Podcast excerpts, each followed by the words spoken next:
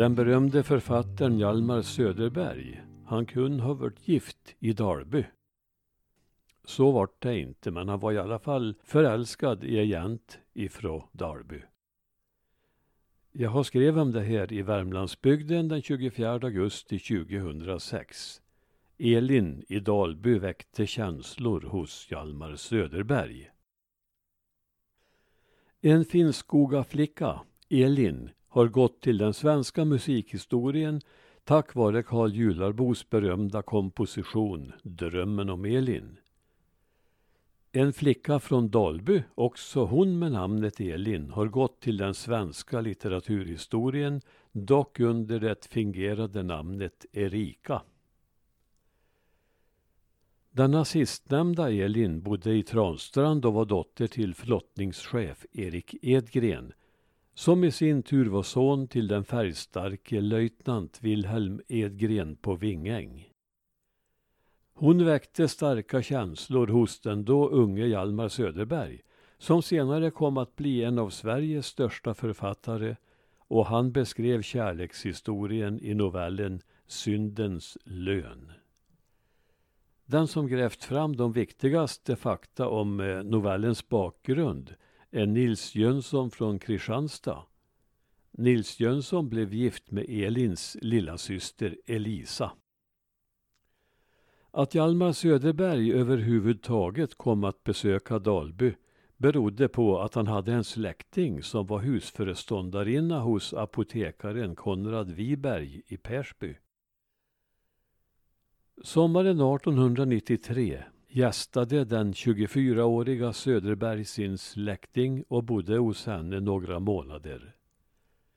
Där träffade han farmaceuten med den vita västen, Kalle Karlsson, som tjänstgjorde på apoteket. De två männen kom att bli rivaler om den sköna, knappt 17-åriga Elin Edgren i Transtrand. Söderberg redogjorde för kärleksdramat i Syndens lön, men till viss del med poetisk frihet. Detta kunde Elins syster Elisa intyga. Hon var med.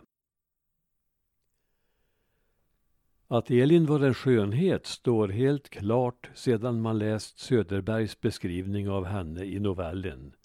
Hon var ung och smärt, hon doftade av barrskog och ljung och hennes hy var bränd av solen och en smula fräknig.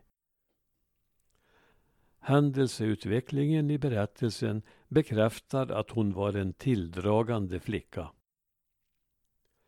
En söndagsmorgon knackade farmaceuten på hos novellens jag-person, Söderberg, och förklarade att Erika, verklighetens Elin alltså, hade lämnat honom ett poesialbum som hon ville att de båda herrarna skulle skriva varsitt poem i.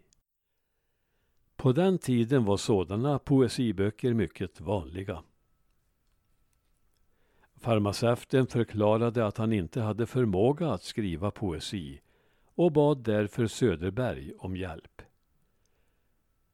Söderberg skrev då för egen del ner en översättning han hade gjort av Heines Du bist wie eine Blume du liknar mitt barn en blomma, så ren och mild och skär.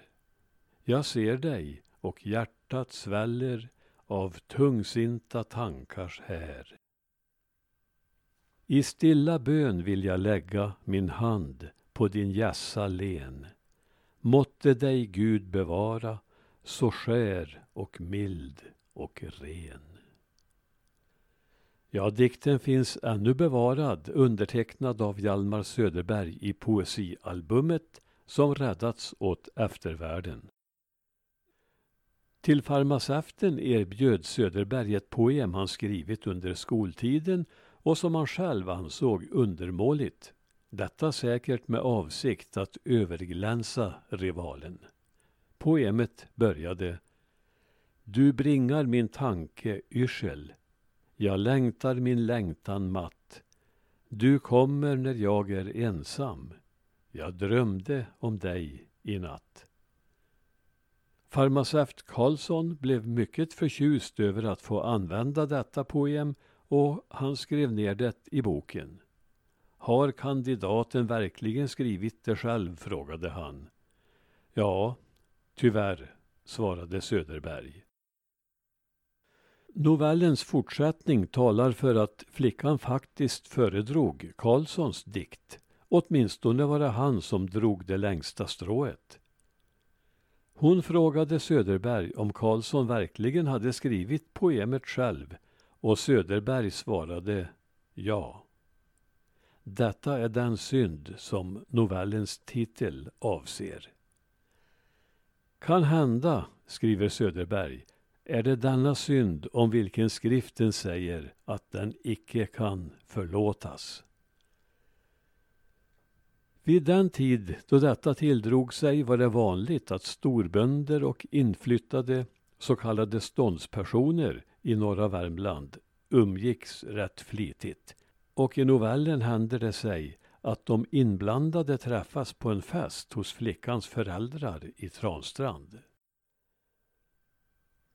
Jag satt och såg på den unga flickan. Nej, hon var sig icke lik. Hennes ögon voro större och oroligare än eljest och hennes mun var rödare. Och hon kunde icke sitta stilla på stolen. Hon såg stundom förstulet på mig, men hon såg oftare på farmaceuten. Och farmaceuten liknade denna afton en tupp. Så skrev Söderberg om det här mötet. När lekarna avslutats går kandidaten i skymningen in i skogen. Där får han se farmaceuten och fröken E kyssas invid en vit björkstam. I verkligheten gick det något annorlunda till. Eh, festligheten hölls inte i flickans föräldrahem utan på Olagården, säkerligen i grannbyn Likenäs. Kandidaten, alltså Söderberg, upptäckte att farmaceuten och Elin var borta. Tillsammans med Elins 13-åriga syster Elisa gick han då för att leta efter dem. Flickan var för ung för att anförtros de bekymmer Söderberg kände, så istället för att prata sjöng han oupphörligt Där satt en katt vid ett buskesnår invid vägen, ända tills han fick se det försvunna paret. Som han skriver, i en kärleksfull attityd borta på hålvägen som ledde till Transtrand. Detta har flickan själv berättat senare. Novellen berättar men djupt inne i skogen bland granarna såg jag en björk vars stam lyste vit. Vid denna stam stod då två unga människor och kysste varandra och jag såg att den ena av dem var den unga flickan som doftade av barrskog och ljung.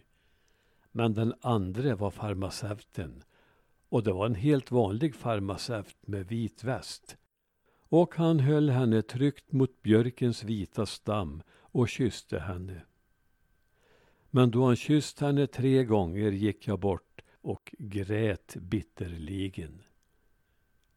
Anspelningen på Petrus lidande när han förnekat Jesus är tydlig. Efter apotekare Wibergs död flyttade Söderbergs kvinnliga släkting tillbaka till Stockholm där hon ofta fick besök av författaren. Han berättade för henne att den unga Elin från Dalby fått plats i hans novellsamling Historietter och att han gärna ville träffa henne. Hon framförde detta budskap till flickan men något återförenande kom tydligen inte till stånd. Däremot vet man att hon köpte novellsamlingen. Farmaceuten flyttade till Karlstad där han kontaktade flickans mor och bad henne att få brevväxla med flickan. Det skulle han få under förutsättning att han lät modern läsa breven. Men detta passade honom tydligen inte. Han gifte sig med en annan kvinna, bodde en tid i Uddevalla och avled i närheten av Ramlösa. Den yngre systern, Elisa, blev alltså gift i Skåne med Nils Jönsson som lämnat de flesta av dessa upplysningar och deras son Mats har försett mig med en kopia ur Elin Edgrens poesialbum. Dikten som nedskrivits av den store författarens hand. Huvudpersonen själv, flickan som doftade av barrskog och ljung, förblev ogift.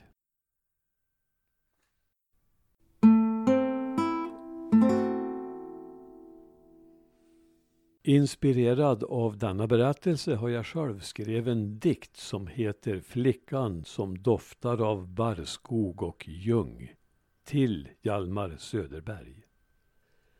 Den vackraste är hon av alla de unga som samlats i glädje till herrgårdens bal. Väl inte så glänsande, inte så högljudd, nej skönheten hennes är lockande sval. En skapelsens höjdpunkt, så solbrun och ung, är flickan som doftar av barrskog och ljung. Hon bär på en bok som hon håller mot barmen, en bok där hon samlar på vänpoesi. Hon räcker mig boken och ber mig förlägen att skriva på vers något vackert däri. Jag skriver vad hjärtat befaller mig, sjung om flickan som doftar av barrskog och ljung. Jag skriver, min vän, du är skön som en blomma och menar de orden och mera än så. Så ger jag en yngling en dikt på beställning, banal, men den rör hennes hjärta ändå. Han får hennes kyssar min sorg blir så tung. Jag gråter i skogen bland barrskog och ljung.